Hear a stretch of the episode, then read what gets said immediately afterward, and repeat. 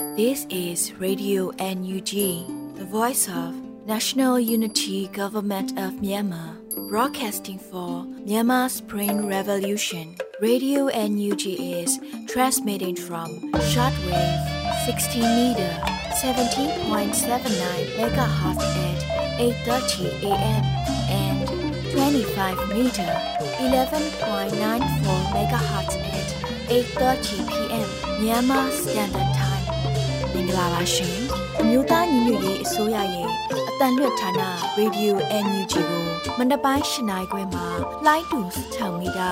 19.3ခုကုန်းမဂါဟတ်စ်နဲ့ညပိုင်း၈နိုင်ခွဲမှာလိုင်းတူ25မီတာ17.3ကိုလီမဂါဟတ်စ်တို့မှာဓာတ်ရိုက်ဖမ်းယူနားဆင်နိုင်ပါပြီရှင်။မင်္ဂလာအပေါင်းနဲ့ကြိုဆိုကြပါစို့။အခုချိန်ကစပြီး Radio NUG စီစဉ်လေးကိုဓာတ်ရိုက်အတန်နဲ့ပေးနေပါပြီ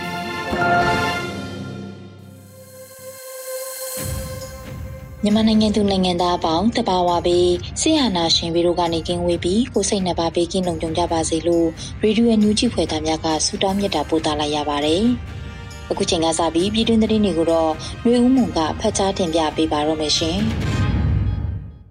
မင်္ဂလာညချမ်းပါရှင်။2023ခုနှစ်ဩဂုတ်လ21ရက်နေ့ရေဒီယို NUG ညပိုင်းပြည်တွင်သတင်းတွေကိုတင်ပြပေးသွားပါမယ်။ ကျမကတော့ຫນွေဦးမုံပါရန်ကုန်မြို့ပြပျောက်ကြားမှတဆင့်တက်ပြီး PDF တပ်ဖွဲ့ဝင်များအနေနဲ့တိုက်ပွဲဝင်နိုင်မှုပြင်ဆင်နေကြပြီလို့ကာကွယ်ဝင်ကြီးအသိပေးပြောကြားတဲ့အကြောင်းအရာကိုတင်ပြပေးကြပါမယ်။အခုလက်20ရက်မှာကျင်းပပြုလုပ်တဲ့ရန်ကုန်အတွက်အလင်းဆက်ခံပိတ်ပိတ်ပွဲအခမ်းအနားမှာကာကွယ်ဝင်ကြီးဥယျာဉ်မှခုလိုထည့်သွင်းပြောကြားခဲ့ပါတယ်။ရန်ကုန်နဲ့ပတ်သက်ရင်အားလုံးသိတဲ့အတိုင်းပဲမြို့ပြပျောက်ကြားကနေလှုပ်ရှားခဲ့တာဖြစ်တယ်။ ခုချိန်မှာတော့မြို့ပြပျောက်ကြားကတဆင့်တက်ပြီး PDF တပ်ဖွဲ့ဝင်များအနေနဲ့တိုက်ပွဲဝင်နိုင်မှုပြင်ဆင်နေကြပြီးရန်ကုန်အတွက်လင်းဆက်ကမ်ပိန်းတည်ပြီးလင်ရန်ကုန်အတွက်အားဖြည့်ဖို့ဖြစ်တယ်လို့ပြောကြတယ်။ရန်ကုန်ကိုအားဖြည့်ဖို့အရေးကြီးတယ်။ဒါဒီပင်လင်ကျွန်တော်တို့ရဲ့မဟာဖြူဟာပထမအဆင့်ဖြစ်တယ်လို့ဝန်ကြီးကဆိုပါတယ်။လက်ရှိမှာစစ်ကောင်စီဟာရန်ကုန်မြို့အတွင်းဘဏ်ကအဆောက်အုံများပြင်ဆင်လျက်ရှိပြီးစစ်တပ်ဝင်းကျင်နာတို့ရသားကတ်ခွင့်မပေးရတဲ့အခြေအနေဖြစ်နေပါတယ်ရှင်။ ဒီမောနိုင်ငံတွင်ကျင်းပသော Diplomacy Training Program သင်တဲ့အခမ်းအနားမှာ NUG လူခွင့်ရေးရာဝန်ကြီးမှဖွင့်မစကားပြောကြားတဲ့အကြောင်းအရာကိုတင်ပြပေးပါမယ်။ဒီမောနိုင်ငံမှာကျင်းပတဲ့ Diplomacy Training Program သင်တဲ့အခမ်းအနားမှာ NUG လူခွင့်ရေးရာဝန်ကြီးဝေါမျိုးမင်းမှတက်ရောက်ဖွင့်မစကားပြောကြားခဲ့တယ်လို့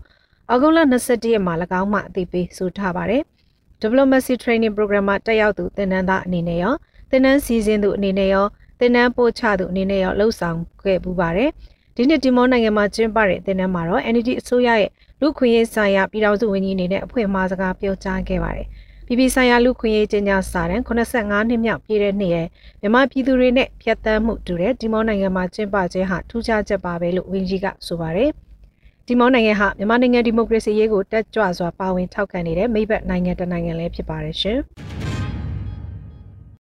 စစ်ကောင်စီရဲ့မစင်မချင်းပြည်သူပိုင်းငွေတွေကိုတမိုးရောက်အောင်လုပ်တဲ့လုပ်ရက်တွေကြောင့်ပိုင်ဆိုင်မှုတွေကိုစိတ်မချရရင် Sovereign Development Bank ကိုပြောင်းအပ်ဖို့အကောင်းဆုံးပဲလို့ဒုတိယဝန်ကြီးဦးမော်ထွန်းအောင်တိုက်တွန်းတဲ့အကြောင်းအရာကိုလည်းတင်ပြပေးပါမယ်။လက်ရှိစစ်ကောင်စီရဲ့မစင်မချင်းပြည်သူပိုင်းငွေကိုတမိုးရောက်အောင်လုပ်တဲ့လုပ်ရက်တွေဖြစ်တဲ့ပို့ကုန်ရငွေဒေါ်လာကိုထိန်းချုပ်ခြင်း2000တန်ကျပ်ကိုအစင်ကျင်းမဲ့ထုတ်ဝေခြင်းစတာတွေကြောင့်ကုန်စည်နှုန်းအဆမတန်တက်ပြီးကျပ်ငွေတန်မိုးမဲ့လာတာကြောင့်မိမိရဲ့ပိုင်ဆိုင်မှုကို စိတ်ချရတဲ့ရွှေနိုင်ငံသားငွေနဲ့ပြောင်းစုထားခြင်းရင် Sovereign Development Bank ကအကောင်းဆုံးပါပဲနောက်ဆိုစိတ်ချရတဲ့နိုင်ငံသားယင်းနှိမ့်မြုပ်နှံမှုတွေကိုပါဝယ်နိုင်လာမှာပါစစ်ကောင်စီကငွေကြေးနဲ့ဒေါ်လာရဲ့အကျိုးမြတ်ရမယ်အစီအစဉ်လေးပါပဲလို့ဒုတိယဝန်ကြီးဦးမော်ထွန်းအောင်ကသုံးသက်ပြောဆိုထားပါတယ်လက်ရှိမှာနွေဦးဖွံ့ဖြိုးရေးဘဏ်တွင်စင်ကာပူဒေါ်လာအမေရိကန်ဒေါ်လာထိုင်းဘတ်ငွေမြန်မာကျပ်ငွေကြေးလေးမျိုးကိုစတင်ဝန်ဆောင်မှုပေးနေပြီးဩဂုတ်လ18ရက်နေ့မှစတင်က waiting list တွင်စောင့်ဆိုင်းနေသူများအနက်မှ beta activation ပမာဏ1000စီအားတရက်ချ၍နှစ်ရက်လျင်တစ်ချိန်စီထပ်မံတိုးမြင့်ပေးသွားမယ့်အစီအစဉ်ကိုလည်းလှုပ်ဆောင်လျက်ရှိပါတယ်ရှင်။အာဆီယံဘုံသဘောတူညီချက်ကိုစစ်ကောင်စီမလိုက်နာပါကနောက်ဆက်တွဲအရေးယူမှုပါဝင်ရန် NUG အစိုးရအနေနဲ့လိုလားဆိုတဲ့အကြောင်းအရာကိုတင်ပြပေးပါဦးမယ်။။ အောက်ဂုလ22ရက်နေ့မှာသမရာယုံပြောရေးဆိုခွင့်ရှိသူဦးကျော်စောမှာအာဆီယံနဲ့ပတ်သက်လို့အာဆီယံဘုံသဘောတူညီချက်ကိုစစ်ကောင်စီမှမလိုက်နာပါကနောက်ဆက်တွဲအေးအေးယူမှုပါဝင်ရန် NUG အစိုးရအနေနဲ့လိုလားတယ်လို့ Radio NUG ကိုခုလိုပြောပြပါရယ်။ကျွန်တော်တို့မြန်မာအရေးကိုပေါ့နော်အာဆီယံကတော့2021ခုဖေဖော်ဝါရီရက်နေ့မှာအကြံဖက်စစ်ကောင်စီကအာဏာသိမ်းမှုစ조사ပြီးတော့အကြံဖက်တဲ့အချိန်မှာဧပြီလမှာဟိုအင်ဒိုနီးရှားကမကထပြုပြီးတော့အရေးပေါ်စီဝေးခေါ်ပြီးတော့အာဆီယံ5 point consensus ဘုံသဘောတူညီချက်၅ချက်ချနိုင်ခဲ့အဲဒီဘုံသဘောတူညီချက်ကိုအကြမ်းဖက်စစ်ကောင်စီကမလိုက်နာတဲ့အတွက်ကြောင့်အကောင့်တွေပေါ်လို့အောင်မြင်မှုတွေမရရှိဘူးဖြစ်နေတယ်ပေါ့ဒါကြောင့်အာဆီယံအစည်းအဝေးတွေအတိုင်းမှာနိုင်ငံခြားရေးဝန်ကြီးအစည်းအဝေးထိပ်သီးအစည်းအဝေးတွေမှာဒီဆုံးဖြတ်ချက်တွေအချိန်ချင်းချခဲ့ပေမဲ့အကောင့်ထဲမဖော်နိုင်ခဲ့သေးဘူး။ဘာဖြစ်လို့လဲဆိုတော့ဒီဆုံးဖြတ်ချက်ကိုအကောင့်ထဲပေါ်ဖို့အတွက်အချိန်စရာမရှိဘူး။မလိုက်နာဘူးဆိုရင်အရေးယူဖို့အတွက် mechanism မရှိသေးဘူး။ ဒါကြောင့်လည်းစစ်ကောင်စီအနေနဲ့ဟာအာဆီယံမလေးမစားနဲ့5 point consensus ကိုအကောင့်ထဲမပေါ်ဘူးပေါ့နော်ပူပေါင်းဆောင်ရွက်မှုမရှိဘူးကျွန်တော်တို့အမျိုးသားညီညွတ်ရေးအစိုးရကတော့အာဆီယံဖွဲ့ကြီးရဲ့အာဆီယံဖွဲ့ဝင်နိုင်ငံတွေနဲ့အမြဲတမ်းပူးပေါင်းဆောင်ရွက်ဖို့အတွက်အမြဲတမ်းအစဉ်သင့်ရှိတယ်ဒီ engagement တွေလည်းရှိပါတယ်အခုအင်ဒိုနီးရှားနိုင်ငံကအခုဒီနှစ်မှာအလဲချဥက္ကဋ္ဌလုပ်နေပြီးတော့အဲဒီအချိန်မှာလည်းဘုံသဘောတူညီချက်ကိုအကောင့်ထဲပေါ်ဖို့နီလန်ပေါ့နော်ဒီ time bound action plan မချနိုင်ခဲ့သေးဘူးဒါကိုကျွန်တော်တို့ design မှတ်နဲ့တောင်းဆိုနေတာနောက်ပြီးတော့ ASEAN အဖွဲ့ ASEAN Plus ဆိုတဲ့ ASEAN နိုင်ငံတွေအပါအဝင်မြန်မာနိုင်ငံရေးကိုကူညီဆောင်ရွက်ပေးခြင်းနဲ့နိုင်ငံမိတ်ဆွေနိုင်ငံတွေကပူးတွဲပြီးတော့အကောင့်တွေပေါ်ရင်အောင်မြင်ဖို့လမ်းစာပိုရှိမယ်ဆိုပြီးတော့ကျွန်တော်တို့တွေအကြံပြုနေတာရှိပါတယ် အခုလာမယ့်စက်တင်ဘာလနောက်လထဲမှာအာဆီယံထိပ်သီးအစည်းအဝေးလုပ်ဖို့ရှိပါတယ်။အဲဒီမှာလည်းဒီလိုပဲဆက်ဆွေးနွေးမယ်လို့လို့ယူဆရပါတယ်။ဆက်ဆွေးနွေးပြီးတော့ကျွန်တော်တို့ကတော့ကျွန်တော်အကြံပြုတဲ့အတိုင်းဒီ time bound ပေါ့နော်ဒီအချိန်စီအားနဲ့ five point consensus ကိုအကောင့်ထဲပေါ်ဖို့အကယ်၍မလိုက်နိုင်ရင်ဘယ်လိုဆက်လက်ပြီးတော့အရေးယူဆောင်ရွက်မယ်ဆိုတဲ့ action plan ပါမယ်ဆိုရင်အဲ့လိုမျိုးဆုံးဖြတ်ချက်ချနိုင်ဖို့အတွက်ကျွန်တော်တို့တိုက်တွန်းပါတယ်မျှော်လဲမျှော်လင့်ပါတယ်။နောက် ASEAN Plus ပေါ့နော်အဲ့ဒီလမ်းကြောင်းသွားဖို့ရယ်နောက်တစ်ခုက humanitarian assistance လူသားချင်းစာနာမှုအထောက်အကူပေးတဲ့အချိန်မှာ inclusive ဖြစ်ဖို့အရေးကြီးပါတယ်အခုကျန်းမာစစ်ကောင်စီကြောင့်ဒီ humanitarian crisis ဖြစ်နေတာဒီ humanitarian crisis ကိုဖြေရှင်းဖို့အတွက်အကျန်းဖက်စစ်ကောင်စီကတော့အကျန်းဖက်ပွဲလုံးမှာ humanitarian assistance တို့ကိုဟန်ပြပဲလုပ်ပြီးတော့ဒုက္ခရောက်နေတဲ့လူထုကိုကူညီမှာမဟုတ်ဘူးဒီ humanitarian assistance ကိုသူတို့ကလက်နက်သဖွယ်အသုံးချမှာပြည်သူလူထုကိုသူကတစားကန် hostage လုပ်ပြီးတော့ဒီ humanitarian assistance ကို weaponize လုပ်တာပေါ့နော်လက်နက်တွေအသုံးချနေတာဒါကြောင့်အာဆီယံဖွဲ့အနေနဲ့ဟာဒုက္ခရောက်နေတဲ့ပြည်သူလူထုစီစီကိုရောက်ဖို့အတွက်ကိုတခြားနည်းလမ်းတွေနဲ့ကျွန်တော်တို့ NUG အစိုးရရဲ့တိုင်းသားအင်အားစုတွေရဲ့မြေပြင်ပေါ်ရှိတဲ့အဖွဲ့အစည်းတွေနဲ့ညှိနှိုင်းဆောင်ရွက်ခြင်းအပြင်ထိထိရောက် inclusive humanitarian assistance ပေးနိုင်ဖို့အတွက်လုပ်ကိုင်နိုင်မယ်ဆိုတော့ကျွန်တော်တို့တိုက်တွန်းပြောကြားချင်ပါတယ်အဲ့ဒီအတွက်လည်းဒီအာဆီယံထိပ်သီးစည်းဝေးတွေပြီးတော့ ဆုံးဖြတ်ချက်ချနိုင်ဖို့အတွက်မျှော်လင့်ပါတယ်။ဒါပေမဲ့လည်းအာဆီယံမှာဒီ consensus ယူရတဲ့အတွက်ကြောင့်အခက်အခဲတွေရှိတယ်ဆိုတာကျွန်တော်သုံးသပ်လို့ရပါတယ်။အခုလက်ရှိအခြေအနေအထိတော့ကြိုင်တွယ်ဖြည့်ရှင်းမှုတွေဟာအားရစရာမရှိသေးပါဘူးလို့ဆိုတာလည်းပြောကြားချင်ပါတယ်။ဘာကြောင့်လဲဆိုတော့ဒီ5 point consensus ကိုစကားစားနေပြီးတော့အရေးတူမလုပ်ဘဲနဲ့အကောင့်ထဲမှာပေါ်လို့ဖြစ်နေတာအဲ့ဒါကိုမလိုက်နာတဲ့စကားစားကိုအကြံဖက်စစ်ကောင်စီကိုအချိန်စီရတဲ့တကွ action plan လုပ်ဖို့အတွက် အရေးယူဆောင်ရွက်မှုအတွက်အာဆီယံဖွဲ့မှမလုပ်နိုင်သေးတဲ့အတွက်ကြောင့်ကျွန်တော်တို့လည်းအားမရဖြစ်နေမိပါတယ်။လက်ရှိမှာ2023ခုနှစ်စက်တင်ဘာလအတွင်းအာဆီယံထိပ်သီးအစည်းအဝေးကျင်းပနိုင်မှာရှိပြီးမြန်မာနိုင်ငံအရေးနဲ့ပတ်သက်လို့ဆုံးဖြတ်ချက်တစုံတရာထွက်ပေါ်လာဖို့လည်းမျှော်လင့်ရပါတယ်ရှင်။ကံကောမြို့နယ်မင်းရွာနယ်မြေရဲစခန်းတိုက်ပွဲမှာရဲ9ဦးသေဆုံးခဲ့တဲ့တဲ့ရင်ကိုလည်းတင်ပြပေးပါမယ်။ မကွေးတိုင်းကံကောမြို့နယ်မင်းရွာနယ်မြေရဲစခန်းတိုက်ပွဲမှာရဲငါးဦးသေဆုံးခဲ့တယ်လို့ဩဂုတ်လ22ရက်မှာစီးရဲသတင်းကို ABSDF စစ်ကြောင်းတုံးကအသိပေးဆိုပါရယ်ကံကောမြို့နယ်မင်းရွာနယ်မြေရဲစခန်းကိုဩဂုတ်လ15ရက်နေ့နနက်9:00နာရီဝန်းကျင်မှာ ABSDF မှတ်စနစ်တရင်နဲ့ကံကော KN PDF တရင်တတရင်9တရင်17တရင်7တရင်14မိမှု KN PDF တရင်ကံကောမြို့နယ်ပကဖထီလေးမြို့နယ်ပကဖတို့ကဝင်ရောက်တိုက်ခိုက်ခဲ့ကြပါတယ်လို့ဆိုပါတယ် တိုက်ပွဲဖြစ်ပွားစဉ်တွင်စစ်ကောင်စီတပ်မှတိုက်လေရင်ဖြင့်ပေါင်300ဘုံ၅လုံးလာရောက်ပုံကျဲခြင်းကံကောမြို့အမြောက်တရင်မှမြောင်များဖြင့်ပြစ်ခတ်ခြင်းများပြုလုပ်ခဲ့ပြီးကံကောမြို့မှတဆင့်မြစ်သားမြစ်အခြေဘက်ကန်တိုင်းခမန်းရင်အားတရားဖြင့်စစ်ကူလာရောက်ခြင်းများကြောင့်တပ်ပေါင်းစုမှနနက်9နာရီမှပြန်လည်ဆုတ်ခွာခဲ့တယ်လို့သတင်းရရှိပါရယ်။အကောင့်တိုက်ပွဲကြောင့်စစ်ကောင်စီလက်အောက်ခံရေးငါးဦးသေဆုံးခဲ့ပြီးပူပေါင်းတပ်ဖွဲ့မှ PDF 9ဦးထိခိုက်ဒဏ်ရာရရှိခဲ့ပြီးကြာဆုံးသူမရှိခဲ့ဘူးလို့စစ်မြေပြင်တရင်အရသိရှိရပါတယ်ရှင်။ နေပြည်တော်တက်ကုန်းမြို့နယ်နီစစ်ကောင်စီတပ်နဲ့ကာကွယ်တပ်တွေအပြန်အလှန်ထိတွေ့တိုက်ပွဲဖြစ်ပွားတဲ့တဲ့ရင်ကိုဆက်လက်တင်ပြပေးပါမယ်။အခုလ20ရက်မွန်းလွဲ12:50မိနစ်တွင်နေပြည်တော်တိုင်းဒေသကြီးတက်ကုန်းမြို့နယ်ရွှေမကြီးကျေးရွာနဲ့အကွေးတိုင်းဒေသကြီးမြို့သစ်မြို့နယ်ရိုးကူကျေးရွာတွေကြားမှာပြစ်ခတ်တိုက်ခိုက်ခဲ့တယ်လို့ OPRF PLA ဖိနှိပ်ခံပြည်သူတော်လှန်အင်အားစုမှအသိပေးဆိုပါတယ်။ တိုက်ပွဲကြာချင်းမိနစ်30ကျော်ကြာမြင့်ခဲ့ပြီးရန်သူစစ်ကောင်စီတပ်သား၄ဦးထိခိုက်ဒဏ်ရာရရှိက2ဦးအပြင်းထန်ဒဏ်ရာရရှိကြောင်းကနဦးသိရှိရပါတယ်။ရန်သူစစ်ကောင်စီထဲမှာစိုက်ကဲ3စီး5.56ကြီးစံ25တောင်5.56ကြီးစံသုံးကြီးပေါက်တစ်ခုသိမ်းဆည်းရရှိခဲ့တယ်လို့သိရပါတယ်ရှင်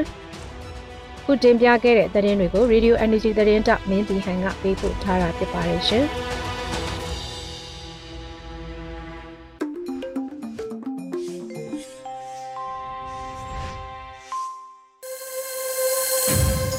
ရေဒီယိုနူးချီရဲ့ညပိုင်းစီစဉ်တွေကိုဆက်လက်တင်ပြနေပါတယ်။အခုဆက်လက်ပြီးနားဆင်ကြရမှာကတော့တော်လှန်ရေးကြပြအနေနဲ့အရေးတော်ပုံဘိုးတီရေးသားပြီးနှွေဦးမိုးရွတ်ဖတ်ထားတဲ့မတားနဲ့ထားခဲလို့အမည်ရတဲ့တော်လှန်ရေးကြပြကိုနားဆင်ကြရတော့မှာဖြစ်ပါတယ်ရှင်။မတားနဲ့ထားခဲ့လက်ရှိအခြေအနေကတော့တတန်းတန်းတဝေဝေမဖြစ်အောင်ပွဲတော်တွေ ကျင်းပပေးနေတာပါထွေရာတောင်ပြောင်းကျွန်ုပ်တို့ရဲ့အဆွေအမျိုးအပေါင်းဆိုတာကလည်းခတ်ဆိုးဆိုးခွေးတရိတ်ဆန်ဇရိုက်ကိုလိုက်ခမိုက်မိုက်ပျော်ရွှင်မှုမျိုးကိုမှကြိုက်ကြသူတွေမဟုတ်လားဒီတော့ပျော်တာပေါ့အမေရဲ့ဆိုသူလိုပေါ့မတားနဲ့မတားနဲ့မတားနဲ့တရားမဲ့တကွဲဆိုပြီးဘယ်ပျော်ရွှင်မှုကိုမှ ခုချိန်မှာသွားမတားနေနဲ့အဝီစီစောက်ထိုးကြသွားမယ်ဟဲ့ဆိုရင်လေပြောလို့သွားကြတာတဲ့သွားကြပါစေလေမတားနဲ့မတားနဲ့မတားနဲ့ကိုချင်းကိုဖောက်ပြီးဟိုးအဝီစီမှာ KTV ဆော့ golf ကွင်းတဲ့ကျင်တဲ့သူတွေသူ့အကုတူဈေးနဲ့သူသွားမှာမဟုတ်မတားနဲ့ထားခဲ့ အရေးတော်ပုံဖိုးတီဗီ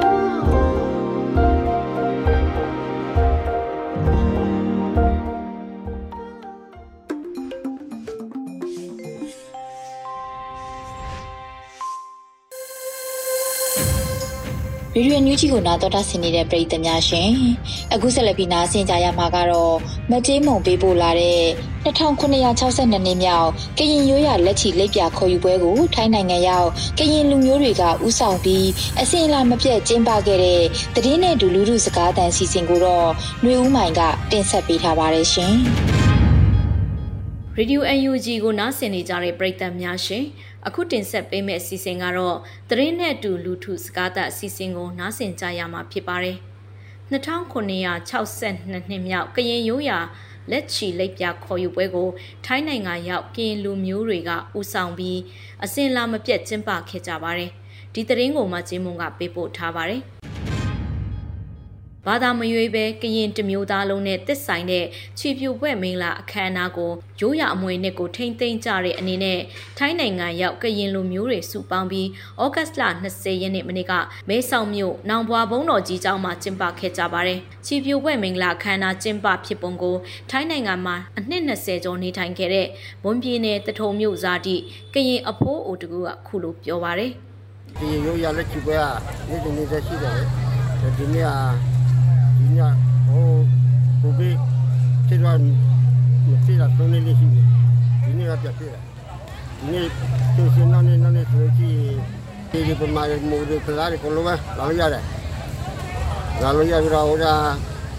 ညီညီနဲ့ဟိုကလက်ချီပြီးတော့စားစားပြပွဲစားစားပြကြလို့ရတာဒီလိုကညီညီနဲ့ လာကြတော့လက်ချီပွဲလို့လဲခေါ်ကြတဲ့ရိုးရာချီပြိုပွဲမင်္ဂလာပွဲကိုမဲဆောက်ရောက်မြန်မာစာတင်ကျောင်းတွေကလည်းကူညီခဲ့ကြပြီးရန်ပုံဝေဝိုင်းဝန်းရှာပွဲပေးတာတွေပွဲကျင်းပခွင့်ရဖို့အတွက်ထိုင်းအာနာပိုင်တွေကိုရှောက်ထားရတာတွေစတာတွေကိုဝိုင်းဝန်းဆောင်ရွက်ပေးကြပါတယ်။သွေးသက်မြန်မာစာတင်ကျောင်းရဲ့ကျောင်းအုပ်ကြီးကကရင်ရိုးရာချီပြိုပွဲမင်္ဂလာပွဲမှာပါဝင်ဆောင်ရွက်ဖြစ်ပုံကိုအခုလိုပြောပါတယ်။ကျွန်တော်တို့ကကျောင်းဆရာတွေဆိုတော့ကျွန်တော်ရှိမှတက်နေတဲ့ကလေးတွေရဲ့ကာရှာပေါ့နော်။သူတို့ရိုးရာဒလေးတွေမပြောက်အောင် သက်ဆိုင်ရာလူကြီးတွေနဲ့ဆွေးနွေးတိုင်ပင်ပြီးတော့ဒီကကောက်တယ်ပေါ်လာပါတော့ရှင်းပါတယ်ထိုင်းနိုင်ငံမဲဆောက်မြို့ရောက်မြန်မာတိုင်းသား85ရာခိုင်နှုန်းကကရင်လူမျိုးတွေဖြစ်ပြီးမြန်မာနိုင်ငံအတွင်းဖြစ်ပွားဆဲစစ်ဘေးဒုက္ခတွေအလုတ်ကိုင်ရှားပါမှုတွေကြောင့်ထိုင်းနိုင်ငံကိုရွှေ့ပြောင်းလာကြသူတွေပဲဖြစ်ပါတယ်။ဒါကြောင့်မဲဆောက်မြို့ထဲပြန့်ကျဲရောက်ရှိနေတဲ့ကရင်လူမျိုးတွေကတစ်နှစ်တစ်ခါကျင်းပတဲ့အခုလိုရိုးရပွဲမှာစွစွစီစီပြန်လဲတွေ့ဆုံကြတာဖြစ်ပါတယ်။ လက်ချီပွဲကိုတက်ရောက်လာတဲ့ထိုင်းနိုင်ငံရောက်ကော့ကရိတ်မြို့ဇာတိကရင်အမျိုးသားတို့ကအခုလိုပြောပါတယ်။ပမာပြည်မှာကြတော့ဟိုဒီထက်ဟိုပြီးတော့ဟိုလူလာစားတယ်ပေါ့နော်ကျွန်တော်တို့နောက်လူတယ်ဟိုများတယ်ကြွာကြွာတိုင်းပေါ့နော်ဟိုပမာပြည်မှာဆိုရင်လေဒီမှာကြတော့ဟိုကြွာဘောင်းစုံစုံနေတဲ့အချိန်လည်းဖြစ်တယ် ကရင်ရိုးရာလက်ချီပွဲရဲ့ရည်ရွယ်ချက်တွေကကွဲကွာသွားတဲ့မိသားစုတွေပြန်လည်ဆုံစည်းနိုင်ဖို့လူကြီးနဲ့လူငယ်အမျိုးသားရေးအစဉ်လာတွေလက်ဆင့်ကမ်းနိုင်ဖို့လူငယ်ချင်းရင်းနှီးမှုတွေကတဆင့်အမျိုးသားစည်းလုံးညီညွတ်မှုရရှိဖို့စကားစာပေယဉ်ကျေးမှုဒလေတွေကိုစုပေါင်းထိန်းသိမ်းနိုင်ဖို့စတဲ့ရည်ရွယ်ချက်တွေနဲ့နှစ်စဉ်ကျင်းပကြတာဖြစ်ပါတယ်အခုတင်ဆက်ပေးခဲ့တဲ့မြေပြင်သတင်းအကြောင်းအရာတွေကိုတော့ Radio UNG သတင်းထောက်မကျင်းမုံကပေးပို့ထားတာဖြစ်ပါတယ်ရှင်။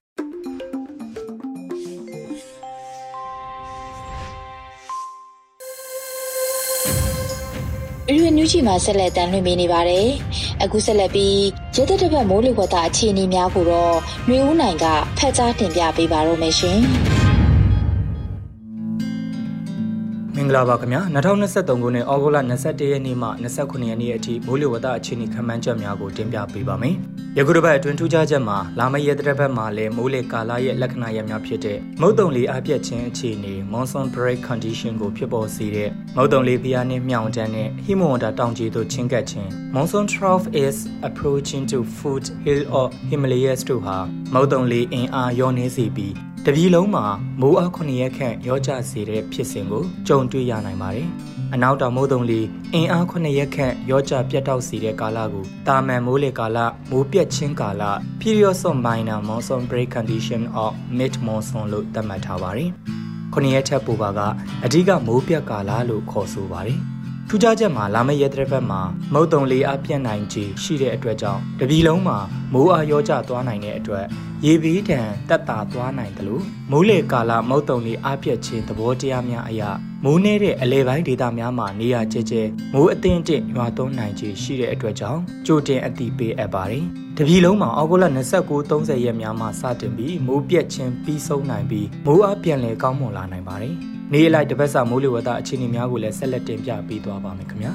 ။အောက်တိုဘာ21ရက်နေ့အတွက်မိုးလေဝသခန့်မှန်းချက်ကတော့မြန်မာနိုင်ငံအထက်ပိုင်းနဲ့အလယ်ပိုင်းတို့မှာအနောက်တောင်လေများတိုက်ခတ်နိုင်ပြီးတောင်ပိုင်းမှာအနောက်အနောက်တောင်လေများတိုက်ခတ်နေနိုင်ပါတယ်။နှွေမုတ်တုံအခြေအနေမှာဘင်္ဂလားပင်လယ်အော်နဲ့ကပ်ပလီပင်လယ်ပြင်တို့မှာမုတ်တုံလေအားအသင့်တင်ရှိနေနိုင်ပါတယ်။ကုန်းတွင်မုတ်တုံလေဖျားနှဲဆဲဟာပုံမအားကောင်းလာပြီးအိန္ဒိယအလယ်ပိုင်းမှာနေရာယူနေနိုင်ပါတယ်။ထူးခြားချက်မှာမုတ်တုံလေဖျားနှဲမြောက်တန်းမှာ မြောက်ဘက်ပိုတက်လာခြင်းဖြစ်ပါတယ်။မိုးအခြေအနေမှာချင်းပြည်နယ်စကိုင်းတိုင်းအထက်ပိုင်းကချင်ပြည်နယ်နဲ့ရှမ်းပြည်နယ်တို့မှာနေရာစိတ်စိတ်ကယားပြည်နယ်မကွေးတိုင်းနဲ့စကိုင်းတိုင်းအောက်ပိုင်းတို့မှာနေရာကျကျနဲ့ကြံဒေသများမှာနေရာကွက်ကြားမိုးရွာနိုင်ပါတယ်။စကိုင်းတိုင်းအထက်ပိုင်းကချင်ပြည်နယ်နဲ့ရှမ်းပြည်နယ်မြောက်ပိုင်းတို့မှာနေရာကွက်ပြီးမိုးကြီးနိုင်ပါတယ်။မြမပင်လယ်ပြင်မှာအနောက်အနောက်မြောက်ဘက်မှလေဟာတနအီကို10မိုင်မှ15မိုင်ခန့်အထိတိုက်ခတ်နိုင်ပြီးလိုင်းအသင့်တစ်မှလိုင်းကြီးနိုင်ပါတယ်။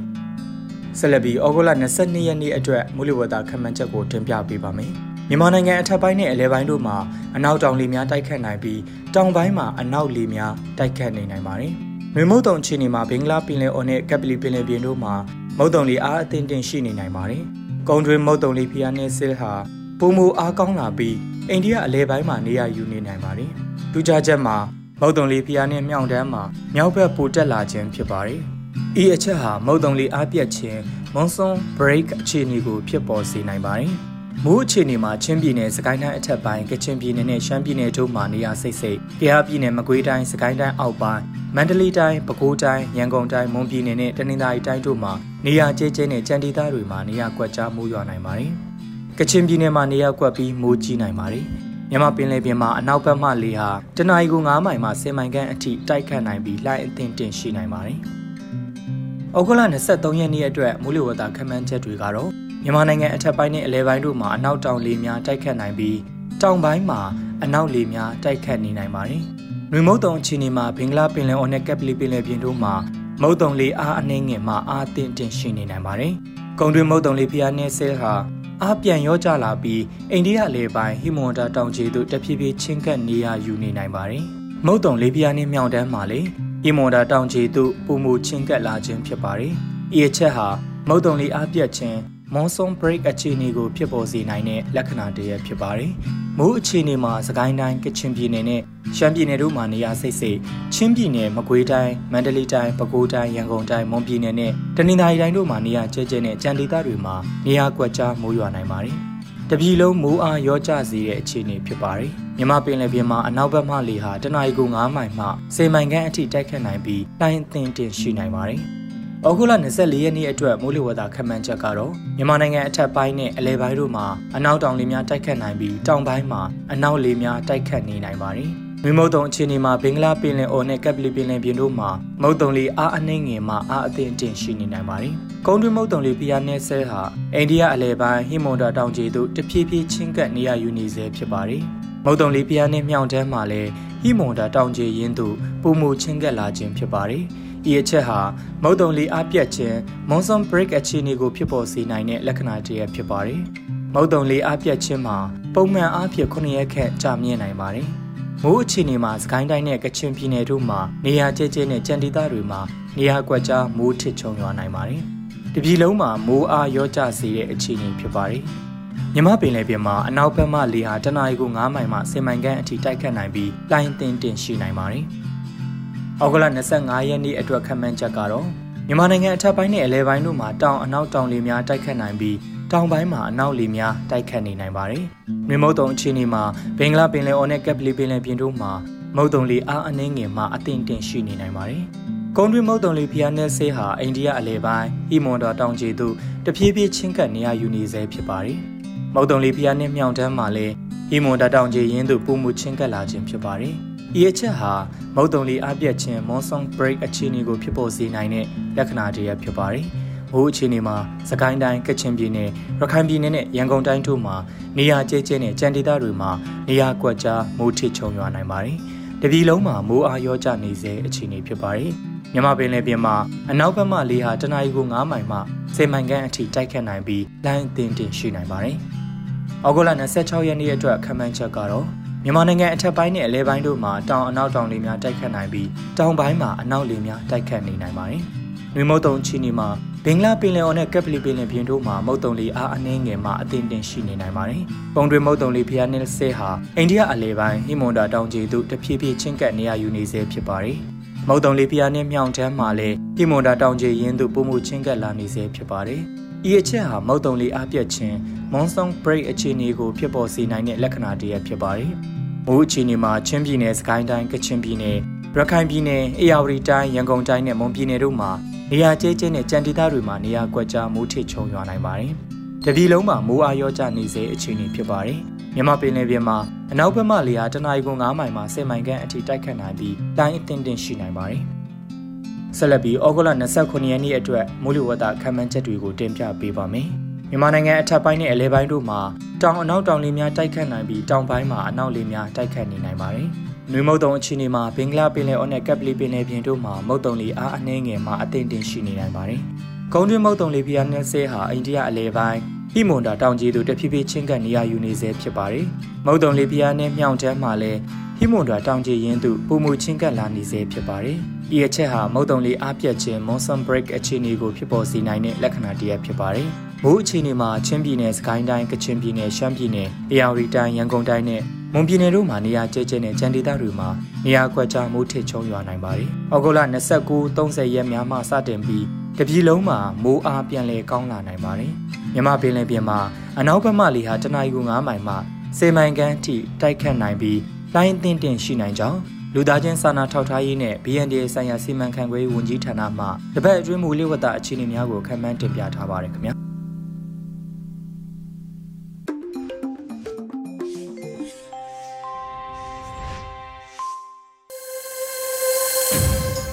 ရေဒီယိုညူးကြီးကိုနာတော်တာဆင်နေတဲ့ပရိသတ်များရှင်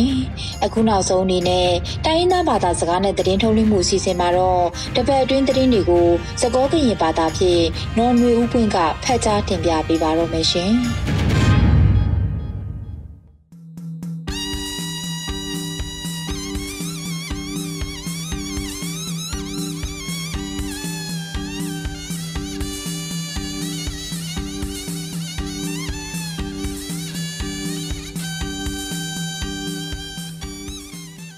ဟာလေဝီကူဒီနောငါတဲ့ဆဝိဆဝတုတော့ကွဲမဘတိလ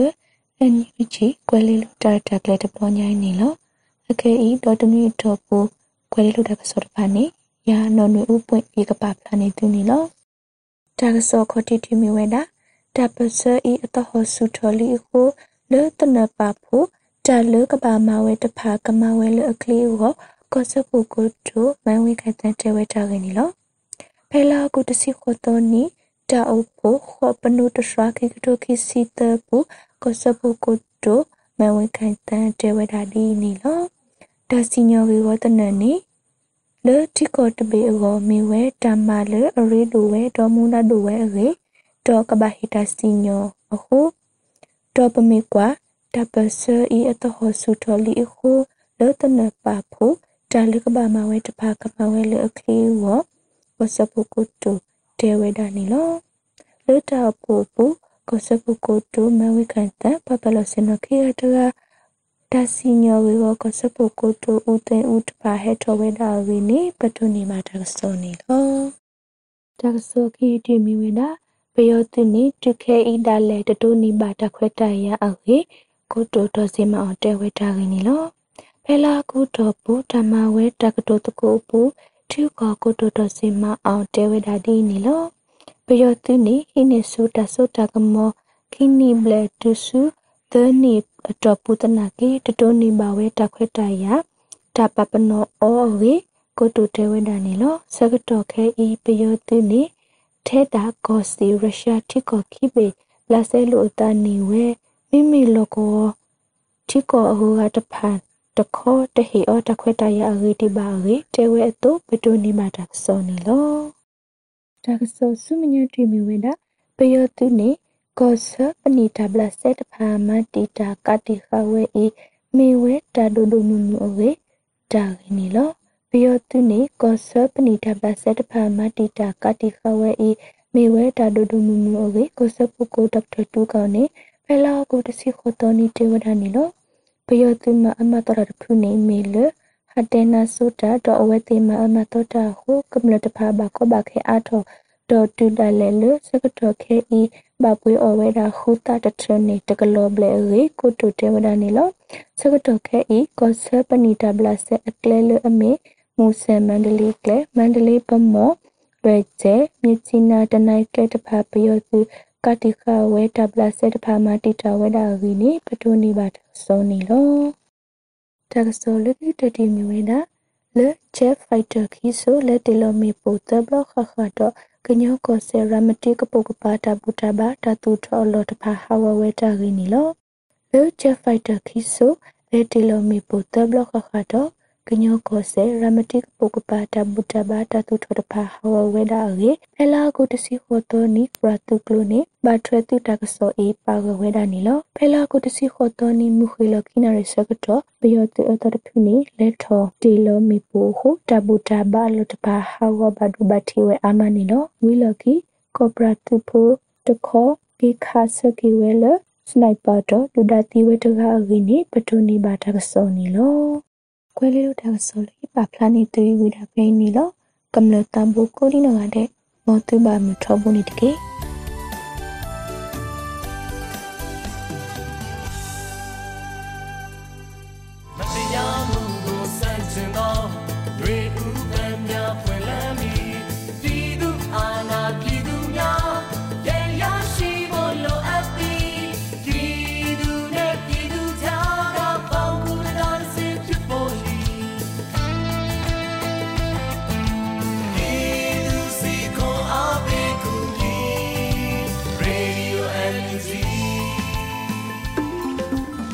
ကတဲ့မောတူပါမထဘူးနေတကေကနေ့ကတော့ဒီညနေပဲ Radio NUG ရဲ့အစီအစဉ်လေးကိုခေတ္တရ延လိုက်ပါမယ်ရှင်မြန်မာစံတော်ချိန်မနေ့၈နိုင်ခွဲနဲ့ည၈နိုင်ခွဲအချိန်တွေမှာပြောင်းလဲဆိုပြကြပါလို့ရှင်